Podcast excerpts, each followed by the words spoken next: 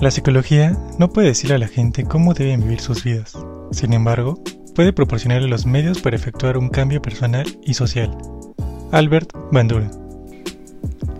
¿Qué tal amigos y amigas de Platicando de Salud Mental? ¿Cómo están? Esperamos que se encuentren bien. El día de hoy vamos a continuar con esta pequeña entrevista o este tema en el que hablamos sobre cómo fue nuestra experiencia para elegir un terapeuta, cómo fue nuestro proceso terapéutico. En esta ocasión va a estar nuestro amigo Luis Barrientos. Como bien saben, les invitamos a que estén con su bebida de preferencia para que nos acompañen en esta charla entre amigos, en la que ustedes son parte fundamental. Así que, sin más que decir, platiquemos de salud mental tema que hoy vamos a hablar es sobre por qué ir a terapia, cómo elegir ese proceso, cómo fue para nosotros este proceso. Quisiera empezar con los mitos y juicios que tú conoces, tal vez has escuchado, con tu experiencia propia, tuviste al ir a terapia. Creo que he tenido muchas experiencias en relación a los prejuicios. Creo que una gran o la mayoría de ellos, creo que hasta cierto punto yo los proyecté, ¿no? Porque creo que una ocasión en un podcast, creo que el último que grabamos, hablábamos de eso, ¿no? De cómo fue la transición de, porque bueno, mi carrera, para quien no lo sepa, pues era más relacionada a las matemáticas, iba más relacionado a ingeniería, todo esto. Entonces mi pensamiento hasta cierto punto era cerrado, ¿no? Y bueno, el chiste es que yo hacía mucho prejuicio hacia la carrera y hacia el tipo de personas que iban a terapia, porque yo recuerdo que la primera vez que fui a terapia fue alrededor de los ocho años aproximadamente. y eso porque... sí. sí. y eso porque me obligó mi papá. Eh, mi, papá es mi papá es médico eh, y él siempre ha creído como en la salud mental. Entonces, pues me dijo, pues sería viable, sería bueno que fueras a terapia, ¿no? Y pues fíjate que desde chiquito nos implantan un discurso, como diría uno de mis filósofos favoritos, Michel Foucault, cómo nos implantan este discurso de poder ante una perspectiva que es hasta cierto ámbito pues natural, ¿no? Entonces nos llegan a implantar esta idea de que ir al psicólogo o las personas que asisten a él son personas que sufren algún tipo de trastornos o están locos, ¿no? Como coloquialmente llamamos a, a las personas. A mí realmente no me gusta etiquetar. El término, yo soy, creo que desde una. Sí, yo, yo creo, yo me identifico mucho por eso con, con los filósofos franceses del siglo XX, Félix Guattari, Deleuze, ¿no? Foucault. Sí, sí, sí. Entonces ellos eran como, tenían un discurso antipsiquiatra. Entonces yo creo que también desde mi perspectiva también creo que es como que muy prejuicioso etiquetar. O sea, yo creo que también empezamos o el prejuicio viene a raíz de que empezamos a etiquetar a la persona de si es un esquizofrénico, una persona que sufre TOC, o sea, las etiquetas, ah, y creo que también estábamos de acuerdo en eso, de que las etiquetas hasta cierto punto van a predominar, no predominar, como predecir o ampliar más el problema, porque si tú te das cuenta, cuando vas al psicólogo y el psicólogo te diagnostica, no sé, ansiedad, ¿no? Supongamos. Y probablemente es hasta cierto punto un diagnóstico no erróneo, pero hasta cierto punto no tan acertado, que a lo mejor tú ya te la empiezas a creer, ¿no? Y como paciente vas a buscar, si no conoces obviamente los términos eh, técnicos, vas a empezar a buscar. Eh, y San Google te va a decir, ¿sabes qué? Eh, una persona con ansiedad va a sufrir esto. Y en eso te empiezas ya como a... lo que hablábamos, ajá, te, empiezas a hacer la idea y te predispones y te empiezas a, y empiezas a decir es que ya tengo esos síntomas, tengo esto, es que es que ya esto y el otro. Entonces, volviendo al tema para no también desviarnos mucho, pues yo creo que las etiquetas empiezan desde que hasta porque hasta el psicólogo desde mi perspectiva es etiquetador, es, es prejuicioso. O sea, porque seamos sinceros, creo que ninguna persona, eh, no me acuerdo qué filósofo habla de, de esto, que ninguna persona es o no puede llegar a ser no prejuicioso. Todo el tiempo estamos haciendo prejuicios. La verdad, o sea, somos seres humanos, somos eh, racionales, pero eso no quita que no estemos eh, haciendo prejuicios. Entonces, eh, es una sociedad llena, llena de prejuicios que al final de cuentas, si tú le dices a una persona, oye, ¿sabes qué? Voy al psicólogo, realmente piensan lo peor. Hace tiempo escuchaba una plática de TED, TEDx, TEDx Sí, no sé y hablaba un psiquiatra y había un psiquiatra que decía que, que sí, que lamentablemente a la sociedad le cuesta mucho hablar que toma un tratamiento, pero no le cuesta hablar de su diabetes, de, de la hipertensión, que ya tiene alta, eh, no sé, la glucosa. Entonces, o sea, yo lo veo desde pues como papá es médico, pues yo lo veo mucho en sus pacientes, ¿no? Sí. Que le cuesta mu- que les cuesta mucho hablar de pues esas enfermedades, pero no les cuesta hablar como en un tiempo más más banal, más efímero. Entiendo la idea. También lo que proyecta la sociedad como tal, el psicólogo o de los pacientes que van al psicólogo. Las películas puede ser el ejemplo en el que muchas veces vas a un consultorio o algo que hacen con psicología y ya te meten ahí a personas vestidas de blanco y que te van a dar medicamentos y que tal vez están a nada del psiquiátrico, ¿no? Creo que también es desde esa parte que la gente adquiere este, este prejuicio, porque también son adquiridos, los prejuicios también son adquiridos, de que vamos creciendo y nos van diciendo si te portas mal cuando vas en la calle, ¿no? Con tu mamá, si te portas mal, va a venir el loquito, el borrachito y te va a llevar, ¿no? O el ropavejero, antes se daba mucho, ¿no? De que el ropavejero te va a llevar, no sé qué. Así, ¿no? Incluso si ves a alguien en la calle, no te acerques al loquito, no lo veas, cosas así, ¿no? Entonces creo que desde ahí empieza el prejuicio. Sí, claro, es el prejuicio que, que nos es implantado desde muy, muy, muy pequeños. Y de hecho, hace tiempo escribí un artículo sobre, sobre eso. Lamentablemente, ya no tengo el blog, lo, lo deshice, Sí. pero hablaba precisamente de eso, ¿no? De, de los prejuicios que, que tienes tanto al entrar a la carrera. O sea, tú como proyectarlos y posteriormente que te proyecten a ti esos prejuicios. Eh, también yo creo que siempre hago referencia a esto como lo que pasa con el amor, ¿no? El amor siempre siento, bueno, yo siento que es eh, hasta cierto punto un, un constructo social que nos ha, como dices tú, pues enseñado en las películas, en las novelas. Sí. Entonces, es, eh, eh, creo que sería un tema muy amplio abordar, de abordaje, eh, el, el de los prejuicios un tema bastante extenso. Yo creo que para, para otro podcast, para un podcast, estaría bueno. Tomando en cuenta el, del tema que estábamos, estamos hablando, me gustaría tu opinión, porque entonces tú estuviste de los dos lados, estuviste del lado en el que ya tenías este tipo de prejuicios, en el que pensabas, incluso me lo llegas a comentar alguna vez, que decías que tú te imaginabas ya como en el psiquiátrico, trabajando como en lo clínico muy radical, entonces tú estuviste en esta parte donde también tenías este pensamiento de que tal vvez los que iban al psicólogo eran locos, que es algo muy común, es un comentario muy común para los estudiantes o los que estamos en ese sector de psicología, que siempre te dicen, ¿cómo vas a tratar tú si estás más loco, más loco que yo, que solo van los locos? ¿Cómo estuviste tú de pasar ese pensamiento, de darles un prejuicio, al otro lado, ya al, al hecho de estar del lado del psicólogo? ¿Cómo fue para ti este cambio y qué, pues, qué implicó ante ti, o sea, ese cambio de pensamiento? Pues mira, amigo, eh, creo que también una vez te lo comentaba. Este, yo antes de entrar a la carrera, así para ponernos en contexto, pues yo, como no entré, lamentablemente, eh, a la Marina, iba para ingeniero hidrógrafo, eh, infantería de Marina, pues no entré a la universidad, entonces pues ya no tenía como que, pues qué rollo, ¿no? ¿Qué estudio? Entonces mi papá, pues hasta cierto punto, me dijo, ¿sabes qué? No te puedes quedar sin estudiar, ¿no? Entonces él siempre ha creído, vuelvo a repetirlo, en los psicólogos. O sea, siempre ha tenido una- un concepto muy bueno sobre ellos. Ah, entonces, eh, entonces él me dijo, ¿sabes qué? Encontré una escuela. Te vas mañana a inscribirte, te doy lo de la colegiatura, la inscripción y vámonos, no te vas a quedar sin estudiar. No es pregunta. Sí, sí, no es pregunta. Entonces pues yo dije, va, órale. Pero fíjate que en el transcurso o en el camino hacia la universidad, pues yo decía, nah, que puro loco. Ya, ya me veía con la bata aquí, este, ya sabes, eh, tratando en un psiquiátrico, etcétera. Entonces, este, pues tenía esos pensamientos, ¿no? De que, no, de seguro los que estudian psicología también están igual de locos, este, eh, pinches no sé qué. O sea, tenía unas, unos prejuicios bien, bien, bien macabros. Muy arraigados. Entonces, entonces, eh, pues pasó el tiempo y realmente la carrera hizo cambiar eh, no solo esa perspectiva, sino muchas perspectivas que tenía ante eh, la sociedad y eh, el mundo en general.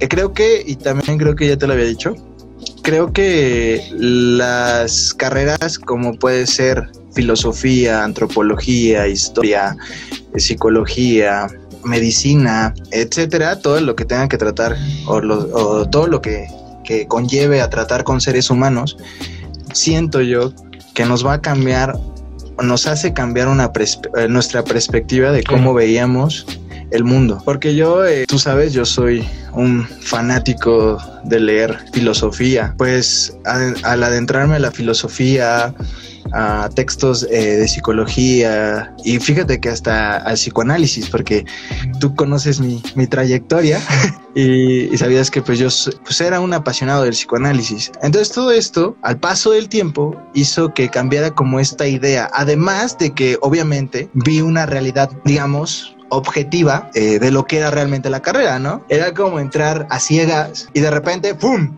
Me quitan esta venda de los ojos y puedo ver realmente, pues, de qué o qué conlleva ser un psicólogo, ¿no? Entonces, muchas cosas cambiaron, muchas cosas cambiaron. Eh, mi discurso cambió muchísimo. Eh, creo que fue lo que más me sorprende hasta la fecha. Creo que miro atrás, veo a, a, mi yo antiguo y digo, qué padre, ¿no? Qué padre que, pude elegir esta carrera, además de que me gusta mucho, porque me ayudó bastante, bastante, bastante. Me comentas a los ocho años, eh, tu papá te lleva al psicólogo, ¿no? Y es como tu primera aproximación hacia la terapia. Pero ¿cómo fue o cuándo fue cuando tú decidiste por iniciativa propia el yo quiero ir al psicólogo? Ya sabes, ¿cómo fue que tú decidiste quiero ir a terapia y ¿Y cómo fue ese proceso de, elegirlo? Creo que, no sé, no quiero generalizar, universalizar, pero eh, en el momento en el que yo decido ir a terapia es en una ruptura amorosa. Creo que, o sea, yo creo que la mayoría, o si no la mayoría, pero sí hay muchos casos en los cuales empiezan a asistir a terapia por, por este motivo, ¿no? Y yo creo que fue lo que me orilló, porque no sé si te había contado, pero sufrí tres años por la misma persona.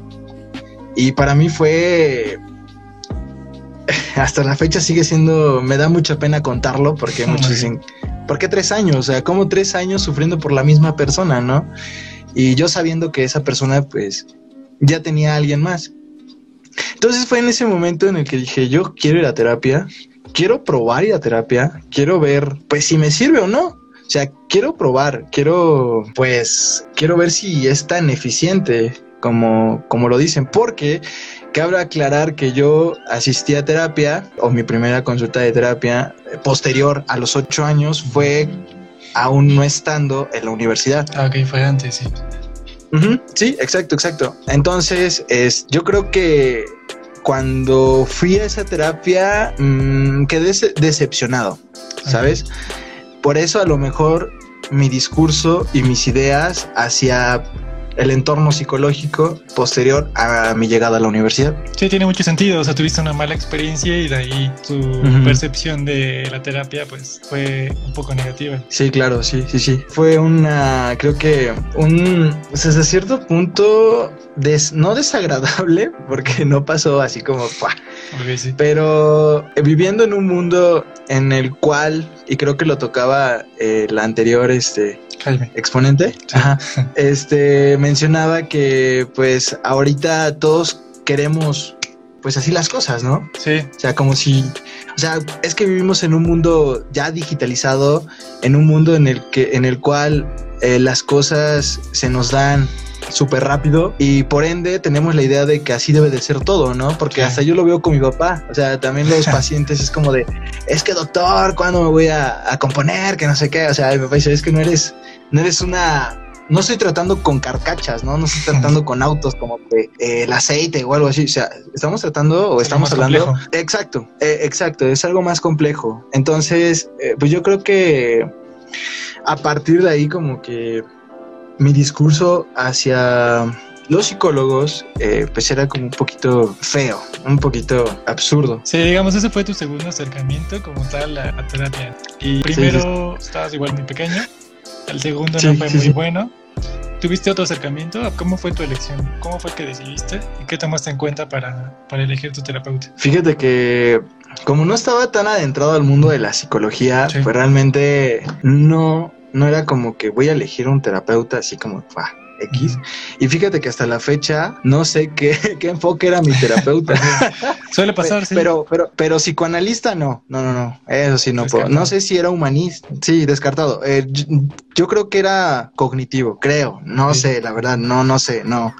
Y fíjate qué buena pregunta me haces, ¿eh? Porque realmente no, no tomé en cuenta eso, que a la fecha pues ya creo que considero importante. Sí, justamente te iba a decir eso, así vaya mi pregunta. ¿Cómo fue que, que, lo hiciste y cómo también fue que no te, al final no te sentiste cómodo? Que es una parte importante también para elegir un terapeuta, que te sientas confiado, que existe esta parte de que te sientes aceptado y que te convenza a ti, o sea, porque al final el terapeuta y tú van a trabajar mutuamente, tampoco es que el terapeuta lo haga todo, pero va a ser un trabajo en conjunto y si uno de los dos lados no está a gusto, pues lo más probable es que no funcione, tal vez sí funciona, tal vez sí tiene lo suyo, pero pues no te vas a sentir a gusto, es lo principal. Pues en este caso creo que es el claro ejemplo, tú no te sentiste a gusto con tu terapeuta y pues tuviste una idea errónea y te desagradó. Sí, sí, sí, o sea, eh, yo creo que es un punto muy, muy importante el que tocas en el cual pues debes de hacer un clic, ¿no? Como coloquialmente podríamos decir un clic con el, con el terapeuta y te sientas cómodo, porque al final de cuentas le estás contando algo muy tuyo, muy íntimo, o algo, si nos vemos desde un lado filosófico,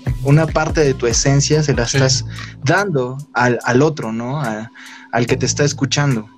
Entonces yo creo que es, es, es muy importante sentirte a gusto con, con, tu terapeuta, porque al final de cuentas, sin, o sea, cual sea el enfoque, al final de cuentas, si no te sientes cómodo o no sientes esa confianza, ese clic, no va a funcionar. Eh, porque, bueno, es que también existen terapias en las cuales, pues, o las cuales el, el, terapeuta puede ser directivo o no directivo, ¿no? Sí. Entonces, pero al final de cuentas trabajan en, en conjunto. Y yo creo que si no te sientes eh, pleno, yo creo que no, no va a funcionar. O sea, por más bueno que sea el, el psicólogo, así puede tener, eh, eh, no sé, miles de, de títulos, pero si no te sientes cómodo, no funciona creo que es de las partes más pues, importantes. También otra cosa que me gustaría agregar en, tomar en cuenta puede ser incluso desde los precios, ¿no? Porque a veces no estamos, no tenemos la economía para estar gastando una cierta cantidad y hay psicólogos que pues se cobran bastante. Tal vez dicen muy buenos, pero lo económico también es una parte que nos detiene. Actualmente puedes encontrar pues, terapia en muchas partes. Línea es una modalidad que ahorita se está poniendo en práctica debido a las condiciones del COVID, pero también no solo es el hecho de que sea hombre mujer, muchas veces da esa apertura, porque yo también lo comentaba hace rato, tengo amigos que decían, es que cuando yo le cuento esto me siento juzgado, ¿no? Y eso también es una parte importante, de que te sientas libre de contar lo que tú estés pasando, porque la otra persona al final no tiene por qué juzgarte, al final está ahí para ayudarte en, en poder solucionar, en poder conocerte y poder llegar como a un conocimiento mutuo. Entonces, ¿cómo fue para ti? ¿La tercera fue la vencida? O sea, la tercera ya fue la vencida, ya te o sigues, o tampoco fue, fue buena. O sea, ya encontraste como tal esta parte de todo fue perfecto desde lo económico, desde que te sentiste mejor, desde el trato. ¿Mejoró? Económicamente no. y más porque fue una terapia psicoanalítica y. Suele ser. No sé por qué. Muy caro, muy, muy, muy caro. He visto autores que dicen que, que el psicoanálisis no puede tratar o no puede lidiar eh, con el socialismo porque es una microparte de la burguesía. Y sí, la verdad que sí. sí, el sector. la mayoría de psicoanalistas cobran a partir de 500, ya el más barato, más barato 400 pesos. Sí. Y bueno, mi, mi, tercera experiencia fue con una psicoanalista y realmente fue buena. Fue, me sentí muy liberado, muy liberado por, por esta cuestión. Además de que yo ya estaba predispuesto por, porque como te contaba, yo era un fanático del psicoanálisis. O sea, yo, o sea, yo te puedo enseñar eh, mis libros y es como tengo todos, o sea, no, si no todos, pero sí la mayoría de, de la colección de Lacan y todo. Entonces, como que ya me estaba predisponiendo en este de que sí me iba a funcionar porque era psicoanálisis y el psicoanálisis es el mejor y que entonces, a lo mejor fue como hasta cierto punto me, me hice la idea, ¿no? De que iba a funcionar y creo que fue agradable. Precio, no, no, no. Pero sí, sí fue este, muy agradable. Estuve, de hecho, seis meses eh, eh, con esta psicoanalista. Y digo, me fue muy agradable porque pude contar muchas cosas eh, sin temor a que me juzgara. ¿Por qué? Porque como sabemos, pues el psicoanalista, eh, bueno, el psicoanalista ortodoxo es solamente siéntate y asociación, asociación libre, ¿no? Y habla, sí, habla todo lo que puedas. Sí, sí, sí, ya sabes, el psicoanalista juega con la basura del lenguaje, ¿no? Agarra esos tropiezos del lenguaje para poder pues eh, darles una interpretación. Entonces, pues yo me sentía liberado, ¿no? Al poder hablar, hablar, hablar, hablar, hablar. Y, de repente ya se me hacía la hora y ya cuando me decía mi psicoanalista, ya, ya Luis, ya, ya acabó. Y yo así hablando y hablando. me gustó mucho. Me, siento que en, las terapias me, me explayaba bastante, bastante, bastante. Y aquí tocas algo muy importante, que es las terapias y los terapeutas directivos y no directivos. Aquí creo que fue un claro ejemplo. De acuerdo a tu experiencia ya de como de psicoanálisis, ¿cómo te sentiste como paciente en una terapia en la que solo tú hablabas o a otra en la que, si no mal recuerdo, también tuviste otro terapeuta en el que creo que ya no fue tanto psicoanálisis? Mm, entonces, tú has tenido la oportunidad de estar con estas dos modalidades de directivo y no directivo. ¿Cómo podrías explicarnos, cómo podrías, podrías decirnos cuál fue la experiencia como paciente dentro de una terapia directiva, el terapeuta directivo, y con otro no directivo? qué, buena pregunta, hermano, qué buena pregunta. Fíjate que con el no directivo me sentía libre, me sentía que no, no me no hacían prejuicios, no, no me juzgaban como hace rato lo mencionabas. Y con el directivo sentía que hasta cierto punto me regañaba. De hecho, de hecho, la última vez, la última vez que asistí con, mi psicólogo, eh, que era humanista, por cierto, yo fui muy regañado.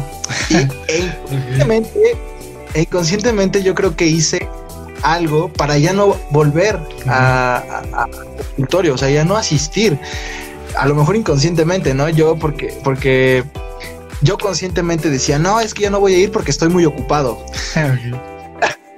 Pero ahorita analizándolo bien, dije, es que me regañó. Me dijo algo que me hizo enfurecer ese día. Salí muy enojado del consultorio, enojado, frustrado y muy pensante, así como de, ¿qué rollo? O sea, ¿por qué? Entonces yo creo que la diferencia más notable que yo puedo recalcar y que yo puedo ver es que en una me sentí un poquito más libre, como lo podría, como lo dice eh, el método, eh, asociación libre, y en el otro me sentí un poquito más, más como a terapeuta me confrontaba mucho, y creo que ese es el, papel del terapeuta humanista, ¿no? Que te tú, tú dices y él te pregunta con, con la mayéutica, ¿no? Es como un choque de, de ahí verbal. Sí, que realmente lo que van es una reflexión, ¿no? Es como, tal vez no confrontación, se puede sentir así, puede pasar así, pero realmente lo que quieren es que la persona reflexione sobre lo que están hablando y llegar como una conclusión, tal vez, es lo que yo creo que puede pasar y que se puede tal vez malinterpretar. Sí, sí, sí, eh, creo que logró su cometido mi terapeuta ese día, pero sí me hizo como enfurecer mucho, como de ¿por qué dice eso? ¿Por qué está diciendo eso? Pero a la vez yo me preguntaba, es que probablemente decías así, ¿no? O sea, probablemente lo que él te regresó, o sea, no, a lo, no me lo regresó así como, es que eres esto, pero me lo hizo llegar con una pregunta, ya sabes, ¿no? Cómo es la mayéutica. Sí. Con una pregunta que hasta cierto punto puede resultar muy obvia, pero que no lo es. Entonces, este, pues yo cuando la recibí, pues sí, dije, pues, ¿qué yo?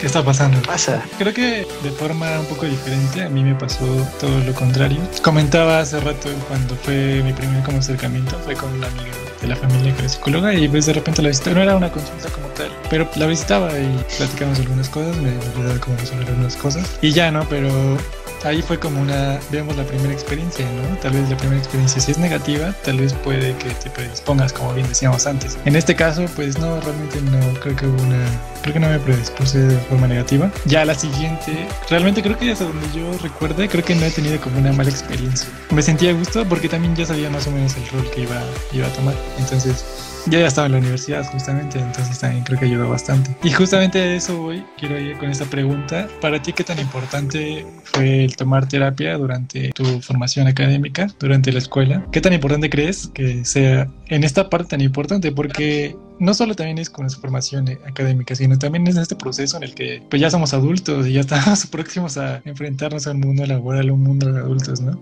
Muchas personas, en tu caso, por ejemplo, son foráneos, salen de su casa, de su ámbito familiar, se van a enfrentar a una vida completamente solos, eh, están en otra ciudad, tienen que hacerse cargo de muchas cosas y esto también implica una crisis. Para ti, según tu experiencia, ¿cómo fue el tomar terapia durante esta etapa de tu vida? Fue muy yo siento que fue muy importante tomar terapia y no tanto por la formación, sino como, lo, como bien dices, ¿no? En el ámbito personal, eh, para poder, si lo queremos ver desde ese punto de vista, poder trascender.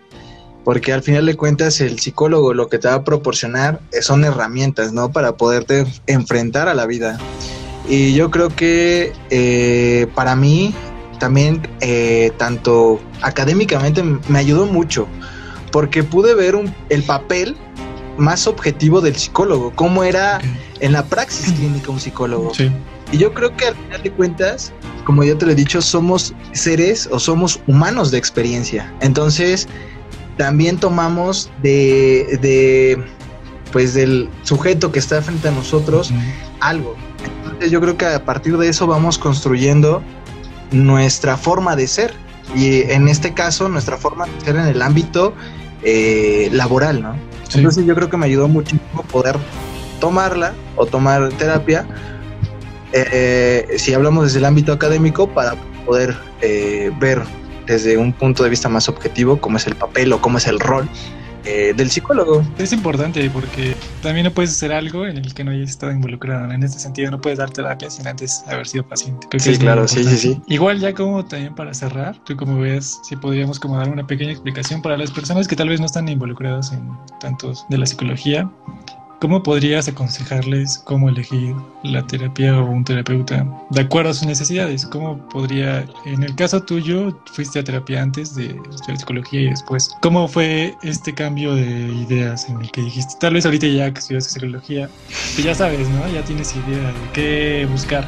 Pero una persona que no nos conoce, no está en contexto, ¿cómo podrías explicarles esta parte? Pues yo creo que es muy importante, sobre todo, creo que también eh, lo explicaba antes, que el, es muy importante la conexión ¿no? que existe con tu terapeuta, esta confianza, pero también existe, eh, o eh, también hay que tomarle relevancia a, a los enfoques. Supongamos, pongamos un ejemplo, que yo hubiera asistido al psicólogo o a un, más bien dicho, a un psicoanalista no siendo estudiante. Y de repente te dice el psicoanalista, si es ortodoxo, obviamente, eh, acuéstate en el diván. Y tú te sacas de onda, ¿no? ¿Qué, rollo? ¿Qué va a hacer? ¿Qué va a hacer? Entonces, y, te empieza a decir, ¿no? Habla, y tú te vas a sacar de onda, ¿no? Pero al final de cuentas, cuando tú ya tienes una formación como psicólogo, pues tú ya sabes cuál es el rol del paciente cuando eres o cuando vas a una terapia psicoanalítica. Sin embargo, una persona que no ha asistido nunca o no sabe cuáles son los enfoques de la psicología, pues sí se va a sacar mucho de onda, ¿no? Entonces yo creo que para las personas que se quieran acercar o quieran tomar terapia, yo creo que es muy importante también saber, eh, pues, el enfoque del, del, del psicólogo, ¿no? O sea, cuál es el enfoque que toma, desde qué perspectiva, cómo es su, su trabajo y por qué no preguntarle a otros pacientes, ¿no? De cómo trabaja, a lo mejor poder preguntarles cuál es su forma o cómo es eh, o cómo se desenvuelve, ¿no? O cómo se o cómo se llegan a sentir ellas cuando están en presencia de, él, ¿no? Entonces, yo creo que es muy muy importante esto, el enfoque, porque como te decía, yo creo que una persona que no está como muy sumergida en el mundo de la psicología y se topa con un psicoanalista muy ortodoxo, pues se va a sacar de onda, ¿no? y fíjate que México eh, y Latinoamérica están, están llenos de psicoanalistas, ¿eh? O sea, tú buscas por internet psicoanalista. Sí, más en Argentina, ¿no? Que ahí es el, el auge. En, en, Argentina es un, es un boom. Papá Freud es, es lo como Lacan. Exacto, Sí, sí. Entonces, este, vivimos eh, en, en, una época de que pues hay que ver eh, con qué psicólogo eh, vamos a poner, porque sí, hay que, hay que, decirlo, vamos a poner nuestra salud mental. O sea, ¿qué, tipo de psicólogo es, no? Y también es importante, eh, cabe recalcar, a mí me gusta, me, sigue gustando el psicoanálisis, ya no soy un apasionado, pero a lo mejor va a haber algunos ofendidos, pero yo siento que en la actualidad la praxis clínica no necesita un psicoanálisis. Desde mi punto de vista, desde mi punto de vista. Eh, aunque hace rato dije que me sentía, me sentí muy cómodo, pero eso no quita a que en pleno siglo XXI aún requiramos o vamos a requerir una praxis eh, o una, un psicoanálisis en la praxis clínica. O sea, lo, lo descarto, lo descarto, lo descarto. Y yo sé que hay personas que ahorita van a decir o, van a empezar a decir, no, que la carne. yo que me he metido muy a fondo, muy, muy a fondo al psicoanálisis, y tú lo sabes, eh, pues, pues sí, yo lo veo y a veces hay, hay cosas que tú dices, es que esto no va, esto no va con la praxis clínica, es que esto puede retomar, pero no. Es como cuando te hablaba eh, de este aspecto cuando Lacan toma la topología, ¿no? Para utilizarlo en su teoría. Entonces lo lee un matemático y, dice, esto es una porquería, ¿no? Entonces no podemos meter, porque realmente el psicoanálisis es mucha teoría, muchísima teoría, pero eh, para meterla a, una praxis clínica creo que sí está muy, muy complicado. Pero entonces, o sea, no, no, no, digo que, que no tomen terapia o con psicoanalistas, ¿no? O sea, no, no estoy diciendo eso, pero si ustedes quieren realmente, no, no, no, no un cambio al 100%, pero si quieren ver un cambio notable, es mejor un, psicólogo directivo. Eh, aunque, aunque dije que me sentía muy liberado cuando hablaba, pero eso no quita a que mi proceso terapéutico fue eficiente. O sea, hay que, recalcar, eso. Al final de cuentas, aunque yo me sentía muy libre de hablar y me sentía muy cómodo, al final de cuentas no fue o, no no fue efectivo mi, proceso. Este, sí, sí, sí. También es como, bueno, recalcando lo que dijiste tú y dijo Jaime, eh, la cuestión de sentirse cómodo como paciente creo que es importante. Y hay muchas cosas que se pueden tomar en cuenta, ¿no? También el hecho de la primera entrevista, en, que es el primer acercamiento, o incluso antes, desde agenda. Creo que es muy importante que la persona pregunte eh, cómo va a ser el proceso, cómo vamos a trabajar, justamente para no pues, cerrar en esta parte, ¿no? De que ya pasaron tres sesiones y dices, quieres un cambio inmediato, pero obviamente no va a pasar en poquitas sesiones, pero también si pasaron tres sesiones y no te sientes cómodo y sientes que el terapeuta te regaña o sientes que el terapeuta no te hace caso, porque también he escuchado a personas.